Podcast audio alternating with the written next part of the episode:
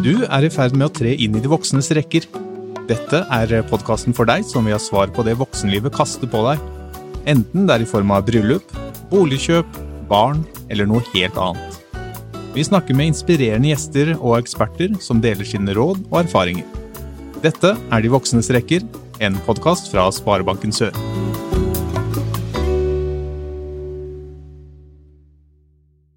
Kenneth, Morten, nå skal du få en gåte her.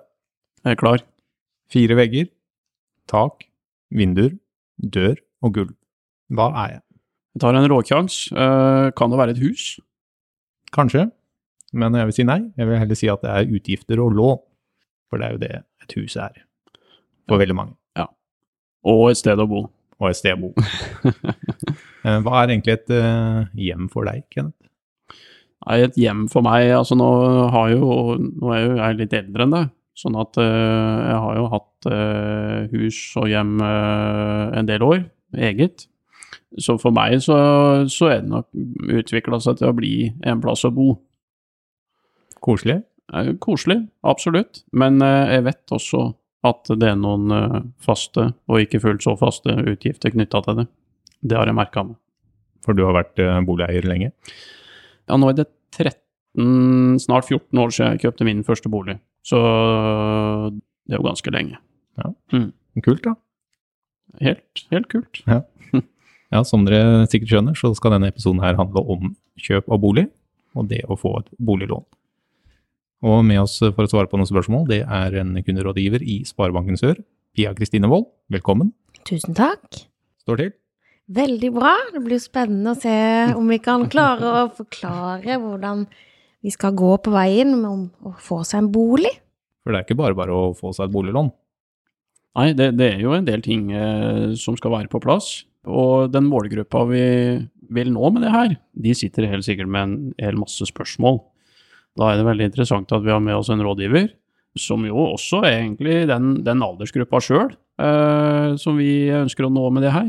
Og i tillegg så sitter du og møter en masse kunder som, som står med ett bein ut i, til den verden med å kjøpe egen bolig. Så du vet sikkert litt om eh, hvor skoen trykker, tenker jeg. Mm. Har du egen bolig? Jeg har egen bolig, egen leilighet, Oi. så det er godt å komme hjem til. Har du vært eh, boligeier eh, lenge? Jeg har vært boligeier i tolv år, så jeg har faktisk vært eh, allerede i gang en stund, selv om jeg liker å kalle meg ung ennå. Og når vi gjorde litt research i forkant der, eh, Morten, så fikk vi jo avdekka at Pia òg hadde faktisk bygd egen bolig tre ganger. Oi, var ikke fornøyd med de to første forsøka? Nei. Man sier jo man skal bygge noen ganger for å bli fornøyd, men jeg er ikke fornøyd ennå. Men kan du eh, huske hvordan følelsen var når du fikk din første bolig? Det er mye usikkerhet, eh, mange begreper, og man føler seg veldig liten i den jungelen man trår inn i første gang man skal ut og kjøpe seg et hjem. Mm. Det er det. Jeg har lyst til å ta en liten tur inn i den jungelen her. Der Ja. jeg skal være en kunde som kommer til deg for å få boliglån for første gang. Ja, spennende. Så da kom jeg inn i banken. Hei, hei. Hei, jeg vil gjerne ha penger til å kjøpe egen bolig. Ja vel, Morten. Har du egenkapitalen på plass? Hva er det? Det hadde du ikke hørt om før, eh, Morten. Nei, ingen som fortalte meg om egenkapital. Nei. For å si litt om det, så, så er det jo sånn at eh, for å kjøpe sin egen bolig, så er det jo De aller fleste må en tur til banken, enten til Pia eller noen andre, for å låne noen penger. Eh, fordi de færreste har spart opp nok penger til å kunne cashe ut en bolig i dag. Eh, boligene er jo også blitt dyrere med tida. Og da er det krav til eh, egenkapital. Et annet navn på det kan jo være oppsparte penger.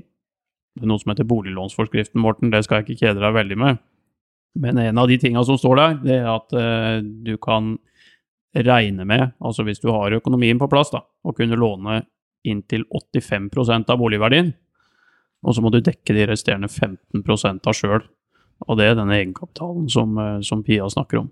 Si at du kjøper en bolig for to millioner, da, så er 15 det er faktisk 300 000 kroner. Men hvorfor må man ha, ha det? Det er rett og slett fordi at eh, banken ønsker at du også skal bidra inn i boligprosjektet ditt. Og så er det jo sånn at sjøl om boligverdiene har eh, stort sett gått oppover og oppover og oppover de siste 30-40 år, vel, så har du ikke noen garantier eh, om at det fortsetter inn i all framtid. Derfor er det også en risiko for banken å, å låne ut 100% av kjøpesum. Men har det alltid vært sånn at man må ha en egenkapital i, eh, i forgrunnen før man eh, kommer og spør om boliglån? Nei, det var ikke det. Eh, og når jeg kjøpte min første bolig, som jeg sa, for 13-14 år siden, så var det helt annerledes. Da kunne jeg gå til banken og så kunne jeg si det at jeg har funnet en bolig eh, til to millioner. Mm. Kan jeg låne to millioner? Og så så banken på økonomien min og så at den så grei ut. Og så fikk jeg låne det.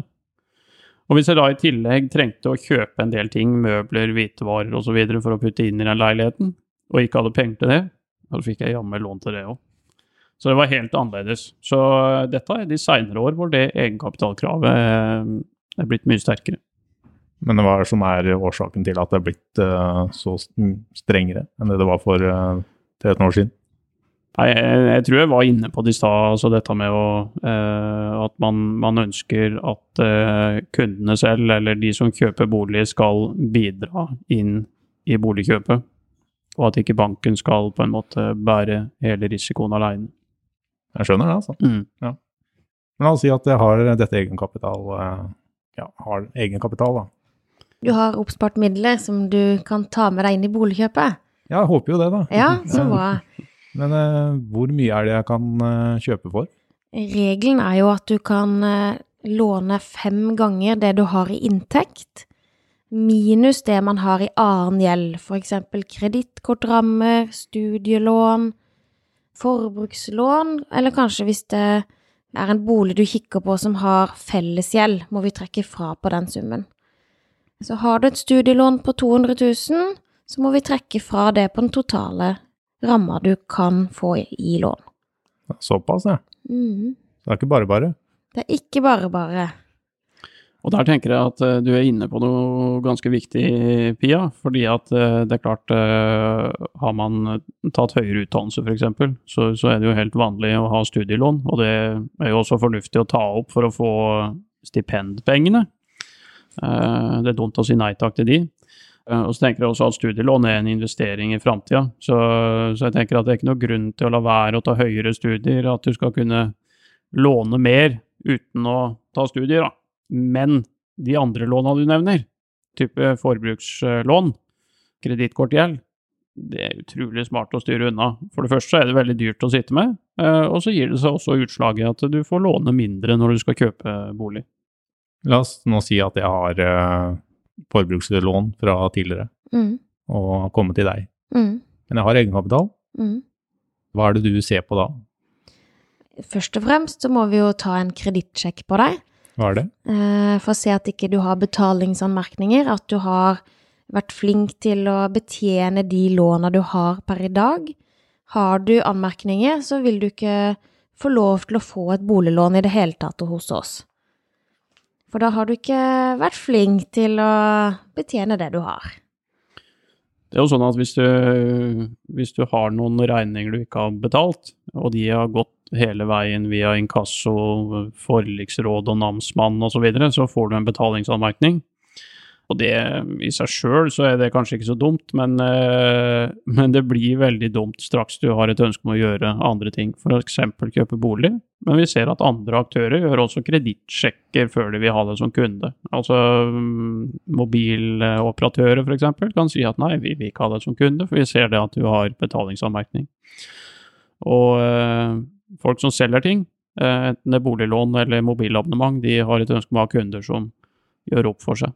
Men så er det jo å si at uh, det går an å få tilgivelse her. Sånn at når du gjør opp det du skylder, så vil du bli sletta fra det registeret. Og da tipper jeg at da får du også nye muligheter hos Pia, hvis du kommer tilbake seinere og, og, viser at dette har jeg klart å ordne opp i. Mm.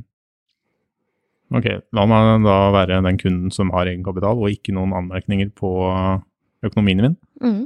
Hva skjer videre da? Da ber vi om et samtykke til å innhente skattemeldinga di for å se at du har den inntekten eh, du oppgir at du har, at ikke du har mange andre eiendeler, eksempel, som krever mye, mye penger å ha. Eksempel har du fem biler, så koster det mye penger, og da vil det gå utover hvor mye du har anledning til å låne hos oss. Og den uh, skattemeldinga henter dere, eller må man finne den selv? Den henter vi så lenge du samtykker med bank-ID på den linken vi sender til dere. Altså vi får en link på På SMS og på mail. Aha. Så det går egentlig ganske greit. Det går egentlig veldig smertefritt. Eh, Hvordan, eh, når vi da har eh, gitt samtykke, får vi da beskjed av banken etter hvert? At man kan ta opp lån, eller? Eh, Da går vi gjennom økonomien og setter opp et budsjett der vi har henta inn tall fra SIFO, som er en Hva er SIFO? Det er en forkortelse for Statens institutt for forbruksforskning, så du skjønner da kanskje at vi forkorta det ned, istedenfor å bruke hele ordet. Det er et standardbudsjett. Sånn at hvis du, eh, hvis du er, har en samboer, da, så legger Pia inn SIFO-tall for et typisk samboerpar uten barn. Altså hva er, hva er vanlig å bruke eh, for et samboerpar på deres alder uten barn. Og er det en familie med, med barn, så tar man også hensyn til det, for det at barn er jo Det er veldig hyggelig, men eh, det er også en utgiftspost. Mm. Riktig. Det var ikke meninga å avbryte da, men Det er godt å få en god forklaring på forkortelser. Ja. Så når vi har gått gjennom dette budsjettet og sett litt på hvilke muligheter du har der i forhold til leilighet eller enebolig En enebolig blir jo dyrere i budsjettet enn en leilighet, eksempel. Så kan vi komme ut med en sum som er maksimalt i forhold til hva du har anledning da, til å kjøpe i forhold til din inntekt og din egenkapital. Og da vil du få det som vi kaller et finansieringsbevis, mm. som du kan ha i lomma når du skal ut på markedet og kikke på hva du har anledning til å by på. for et eh, finansieringsbevis, hva, hva er det? Eh, Det er jo et skriv fra oss hvor du får eh, en oversikt på hvor mye du har anledning til å by. Og det er jo ikke noe du må vise til megler, for det er noe kun du skal vite. En megler skal ikke vite hvor mye, hvor høyt du har anledning til å gå i en eventuell budrunde, eksempel. Og her er det jo utrolig viktig å begynne rett til enden. At ikke man øh, begynner å gå på visninger og, og kanskje til og med legger inn bud uten at du vet at du har finansieringa i orden. Så, så begynn i rette enden. Gå til banken og få oversikt på eh, hvor mye du kan kjøpe for. Så kan du begynne å selektere på Finn på en måte. Hva er vits å, å gå på, og hva, hva kan du holde deg unna av visninger. Sånn at ikke du skaper deg en hel masse forventninger som, hvor du skyter langt over mål. Må man innom eh, banken for å finne eh, ut av dette her? Eller er det noe man kan gjøre selv? Nå, nå er det jo sånn at det, det er jo stadig flere digitale løsninger på det her. Du må nok ikke fysisk innom eh, banken for å få det. Men vi opplever jo, det vil jeg tro du òg merker, eh, Pia, at eh, når det kommer til sånne store ting i livet, da, som faktisk boligkjøp er, så er det fortsatt veldig mange som syns det er greit å snakke med noen. Og så kan de de der daglige tinga som har med bank å gjøre, det er ikke noe problem å ordne digitalt. Men skal du liksom øh, kjøpe deg bolig for første gang, så, så er det mange som tar turen øh, inn i banken, altså. Mm. Det er veldig mange som vil ha en fysisk person å snakke om de store tinga om Mm. og med. Men vi tenker at det å komme innom banken er ikke bare å komme inn til oss på kontoret, men det er å ta en telefon til oss, sende en melding, eller en mail, for eksempel. Men eh, det at de har en person som kjenner de litt bedre enn bare eh, en automatisk beskjed, tror jeg er godt for mange når det er så snakk om mye penger. Mm. Og det kan være Mye penger kan være et vidt begrep, men eh, det treffer mange, da. Ja, for det er jo eh, ikke til å stikke under stol at boliger det koster jo en god del. Mm. Og da må man jo da ha den egenkapitalen. Eh, Hvordan kan man eh, lettest spare opp en egenkapital? De fleste begynner jo kanskje med en boligsparing for ungdom, eh, som du får god rente på i forhold til en vanlig sparekonto, og du vil få penger igjen på skatten også, hvis du har spart det årlige beløpet. Mm. Det er gode penger å ha med seg hvis man begynner tidlig til å ha en egenkapital. Har man ikke dette på plass, så kan det eksempel være at det er foreldre eller noe sånt som stiller sikkerhet i sin bolig for at man skal dekke inn for det manglende egenkapitalkravet. Mm. Hvis man ikke har spart noe da, og foreldrene må på banen, hvordan fungerer det sånn konkret? Da stiller de jo en del av sin eiendom til sikkerhet for barna sitt lån. Så hvis det viser seg at barna ikke klarer å betjene låna sine, så vil jo det kunne gå utover foreldrene, for eksempel. Så det er jo ikke alle foreldre som har anledning til det. Det er ikke sikkert de har nok ledig kapital i sin egen bolig, eller at ikke de har råd til å stille den sikkerheten hvis noe skulle skje. Nei, og det er jo sånn eh, i, eh, Hvis vi tar Norge da, og sammenligner med resten av Europa, så, så er det jo ekstremt høy andel av norske folk som eier egen bolig. Men eh, tro det eller ei, så er det jo ikke noe menneskerett å kunne eie sin egen bolig. Du må ha økonomi til det, og, og hvis ikke du har økonomi til det aleine, så må du ha noen du kjenner eh, som kan hjelpe deg. Og da er det jo typisk eh, at eh, foreldre, eller besteforeldre, som kanskje har nedbetalt mye av boliglåna sine og har ledig pant eller ledig sikkerhet i boligen, stiller noe av det til disposisjon. Og da vil de jo være ansvarlig for den delen av lånet som de stiller realkausjon for. Så det er jo for å dekke opp for den manglende egenkapitalen eventuelt. Mm. Men, men så har du også de som eh, har utfordringer med, med ikke å ha inntekt nok for å kunne kjøpe. Og da kan det jo være at eh, man må ha hjelp, eh, at noen stiller som medlåntagere på lånet. Hva er en medlåntaker? Jeg skjønner at de er med på lånet. Ja, i, I praksis er det ikke noe stor forskjell på å være hovedlåntaker og medlåntaker. De er ansvarlig for lånet sammen, og hver for seg, på en måte. Hvis du tjener eh, 300 000 og vi kjøper din egen bolig, og du vet at du sånn kanskje kan låne opp mot fem ganger bruttoinntekt, så er det eh, etter hvert veldig få boliger å velge mellom. Og da kunne ha en mor eller far f.eks. som kan stille sin inntekt også til disposisjon, så gjør det at du kan eh, sikte litt høyere. Men da tar jo foreldrene eh, veldig stort ansvar i forhold Mhm. til eh, barnas eh, boliginvestering. Hvordan var det med dere? Sto dere helt alene når dere kjøpte deres egen bolig for første gang? Nei, da var det foreldre som var inne i bildet som eh, medlåntaker. Ja, kult. Men etter hvert som man da eh, kom i fast jobb og fikk høyere inntekt, så hadde man anledning til å fjerne de som medlåntaker igjen. Ja, for de, eh, de må ikke være med helt fram til lånet er betalt. Nei. De fleste har en økonomi som endrer seg etter hvert jo eldre man blir, og da kan man ta en ny beregning i banken og fjerne eventuelt en medlåntaker. Nei, eh, vi, eh, vi hadde hjelp av foreldre med, med sidesikkerhet, da, eller altså de stilte som realkausjonister for en, en del av lånet.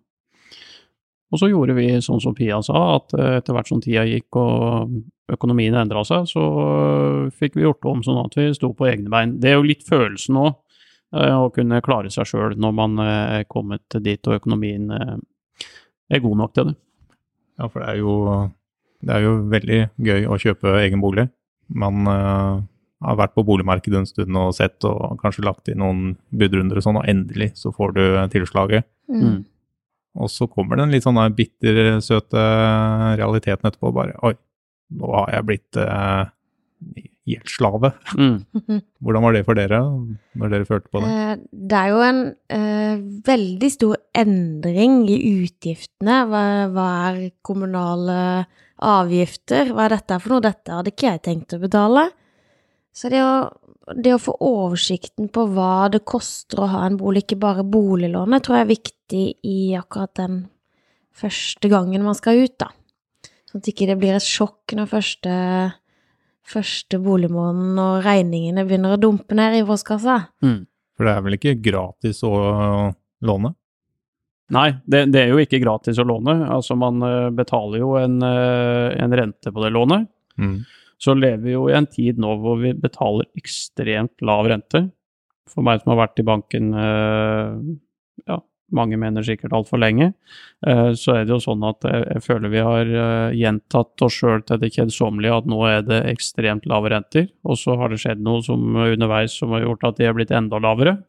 Eh, man betaler kanskje en eh, ja, mellom 3 og 2% i året i rente, kanskje noen til og med under det. Så det er ekstremt, eh, ekstremt lavt, men allikevel så er det jo en kostnad, så det koster penger å låne. Og jo lengre løpetid du har på lånet, jo mer betaler du på en måte banken for å ha det lånet. Men så skal vi jo ikke, altså hvis vi ser historisk, så har jo renta vært mye høyere. Altså mine foreldre forteller jo om en rente på boliglånet på både 16, 17 og 18% i året, når det går 30 år tilbake i tid.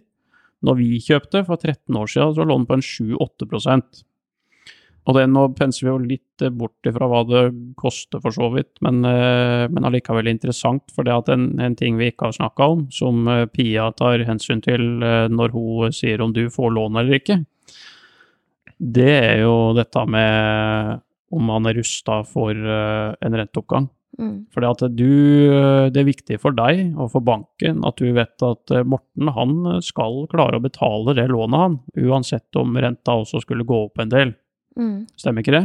Det stemmer. Vi tar høyde for at han kan klare å betale lånet hvis renta skulle gå opp med 5 Mm. Så det er jo en ganske høy økning. Så lenge du klarer den økningen, så er vi med på å kunne gi deg et lån. Mm. Det er jo et krav vi har på oss at du skal kunne klare for å kunne få lån. Mm.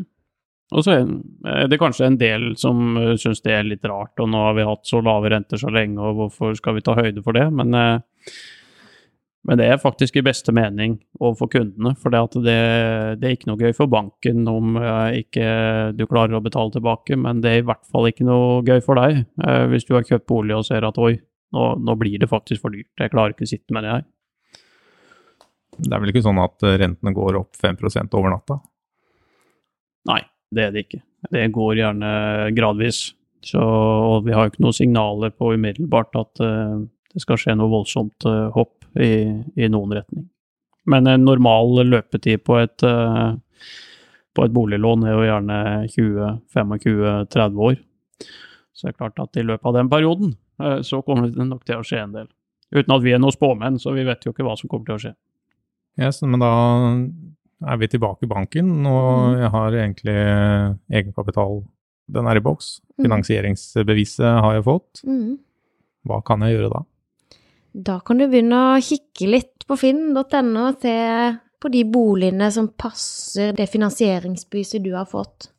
Men da kan det jo være at det beviset er på et beløp som du kanskje ikke er helt komfortabel med heller. At du ønsker å gå for et lavere beløp. Og det er jo fullstendig lov. Men da har du liksom en, en, en pekepinn på hvor du kan legge deg, istedenfor å gå på visninger på, på leiligheter som du absolutt ikke har anledning til å få.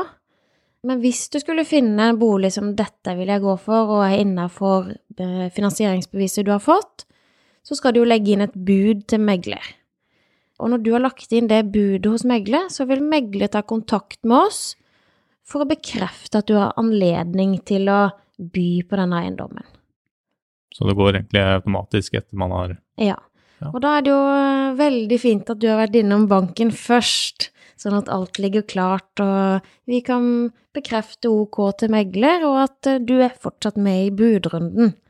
Det er jo veldig kjedelig om Morten, eh, eller om eiendomsmegler ringer til deg og spør om Morten kan legge inn det budet, hvis Morten ikke har snakka med deg på forhånd. Helt riktig. Da kan ikke du bekrefte noe som helst. Så da, når man har fått alt det man trenger for banken, så da er det en slags trygghet på at uh, det budet man legger inn da, er uh, trygt innenfor din økonomiske hverdag. Helt riktig. Ja, det er jo helt supert. Ja, jeg tenker jo det er jo mye derfor banken er der, Mm. eh, for å kunne hjelpe med det. Men åssen er det med kundene når de kommer til deg, Pia? Er det sånn at de spør eh, ja, hvor mye kan jeg låne? Er det et vanlig spørsmål? Det er et veldig vanlig spørsmål. Ja. Eh, men man må jo heller se på hva man føler er riktig for hver enkelt, ikke maks man kan gå ut. Mm. Det kan jo komme uforutsette utgifter som man kanskje må ha hjelp til, eller må ha en buffer til, og da er det dumt å ha tømt alle, alle reserver Mm. fordi man skal ha maks med boliglån. Ja, og så tenker jeg, altså man er jo forskjellig da, men jeg tenker at uh, livet er jo ganske mye annet enn å bo. Mm. Så, så jeg, personlig så mener jeg kanskje at det spørsmålet er litt feil, da. Å Mm. spørre hvor mye kan jeg låne? Mm. Fordi at eh, i hvert fall er jeg skrudd sånn sammen at jeg kan godt tenke meg til å gjøre litt andre ting enn å bo. F.eks. For eksempel eh, ta noen ferieturer innimellom og kjøpe meg litt ting, da. Mm. Vi sier jo det at uh, man må ikke bo seg i hjel. Mm. Å sitte hjemme hver eneste kveld fordi man har lånt opp uh, til pipa. Mm. Det, trenger, ikke- det kan bli fort ikke så hyggelig, og man skal ha muligheten til å, til å gå på kino eller ut og spise middag med vennene sine, og ha råd til det, og ikke at alle pengene går til å betale for boligen.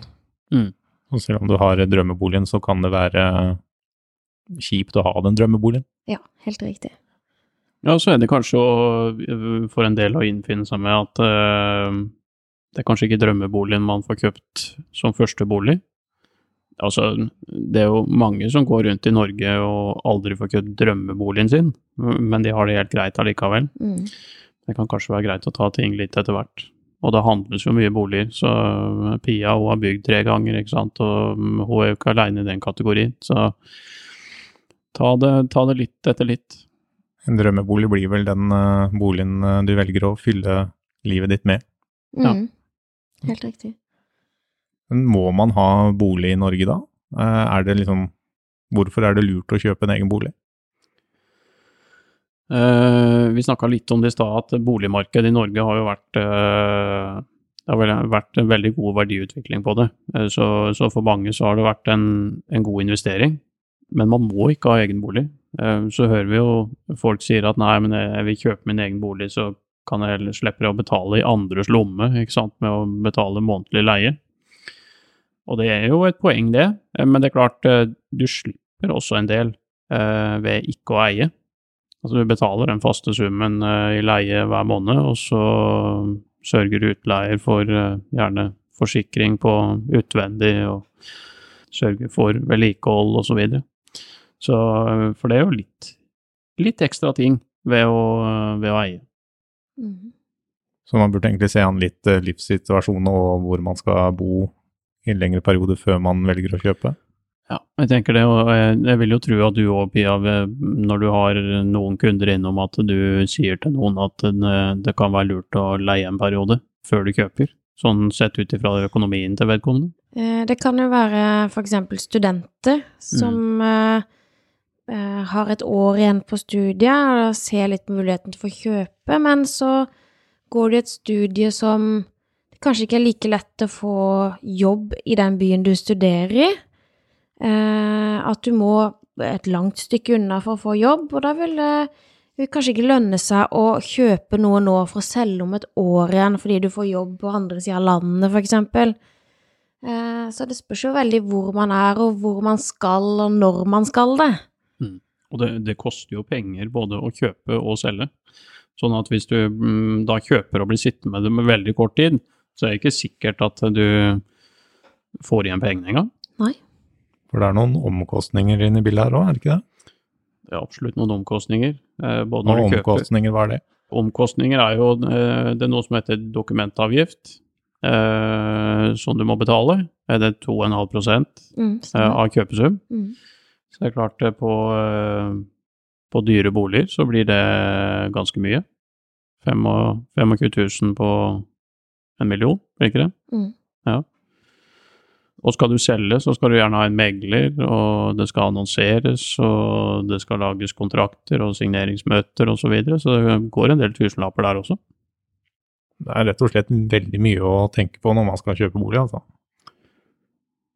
Det er jo en kostbar prosess, eh, eh, og en stor investering. Så det man skal være litt klar over hvilke utgifter som påløper når man eh, begynner på dette. Mm. Og det kan virke mye med en gang, og mye å få oversikt over, men det er jo hjelper vi med i banken. Ja, og det er nok mange som eh, på en måte trenger litt tid etter de har kjøpt det, og se hvor eh, utgiftsnivået ligger her. Blir som uh, stadig overraska. Jøss, der, kom, uh, der kom en regning på det, og det er også en ting jeg får uh, regning på. Mm. Så det ligger jo mye læring i det. Mm. Ja, det koster å være kar, sier han. Ja, det er helt, helt sant. Men sånn på slutten her nå, eh, hva er det viktigste man bør tenke på før man skal kjøpe en bolig? Ta en prat med banken. Det er det aller viktigste. Ja, det støtter jeg deg på, Pia. Eh, Du, du trenger ikke være aleine om det, og det kan være greit å få noe vink og tips og råd eh, på veien.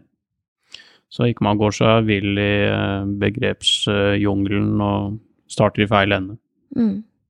Hvis man er et par, og en har en, en bank og den andre har en annen, er det noe problem at de to kan låne sammen? Det, det kan de. Det er heller ikke noe bakdel ved at de enes om én bank, tenker jeg. Det, det gjør det jo øh, litt enklere, kanskje. Men, men de kan øh, låne hver for seg, og ban, øh, hver av bankene kan ta pant i det de låner ut. Så, så det er mulig. Ja, men da håper jeg du som lytter har blitt litt klokere på temaet boligkjøp. At du har fått noen svar du lurer på. Og da er det bare å ta kontakt med banken og opprette en dialog der, så hjelper de deg videre. Går det deg vel her i verden? Håper det. Mm. Men tusen takk skal du ha, Pia, for at du tok eh, turen innom eh, dette studio. Takk for at du kommer. Og så tusen takk til deg, Kenneth, for eh, veldig gode svar. Takk til deg òg, Morten, for fin programledelse. Og da ønsker jeg deg som hører på, lykke til med boligkjøp. Du hørte nå på De voksnes rekker, en podkast fra Sparebanken Sør. Er det noen temaer eller noe annet du lurer på når det gjelder å tre inn i de voksnes rekker? Skriv gjerne til oss på Facebook-gruppen til Sparebanken Sør som heter De voksnes rekker. Sjekk også ut flere episoder på sor.no, eller der du hører på podkast.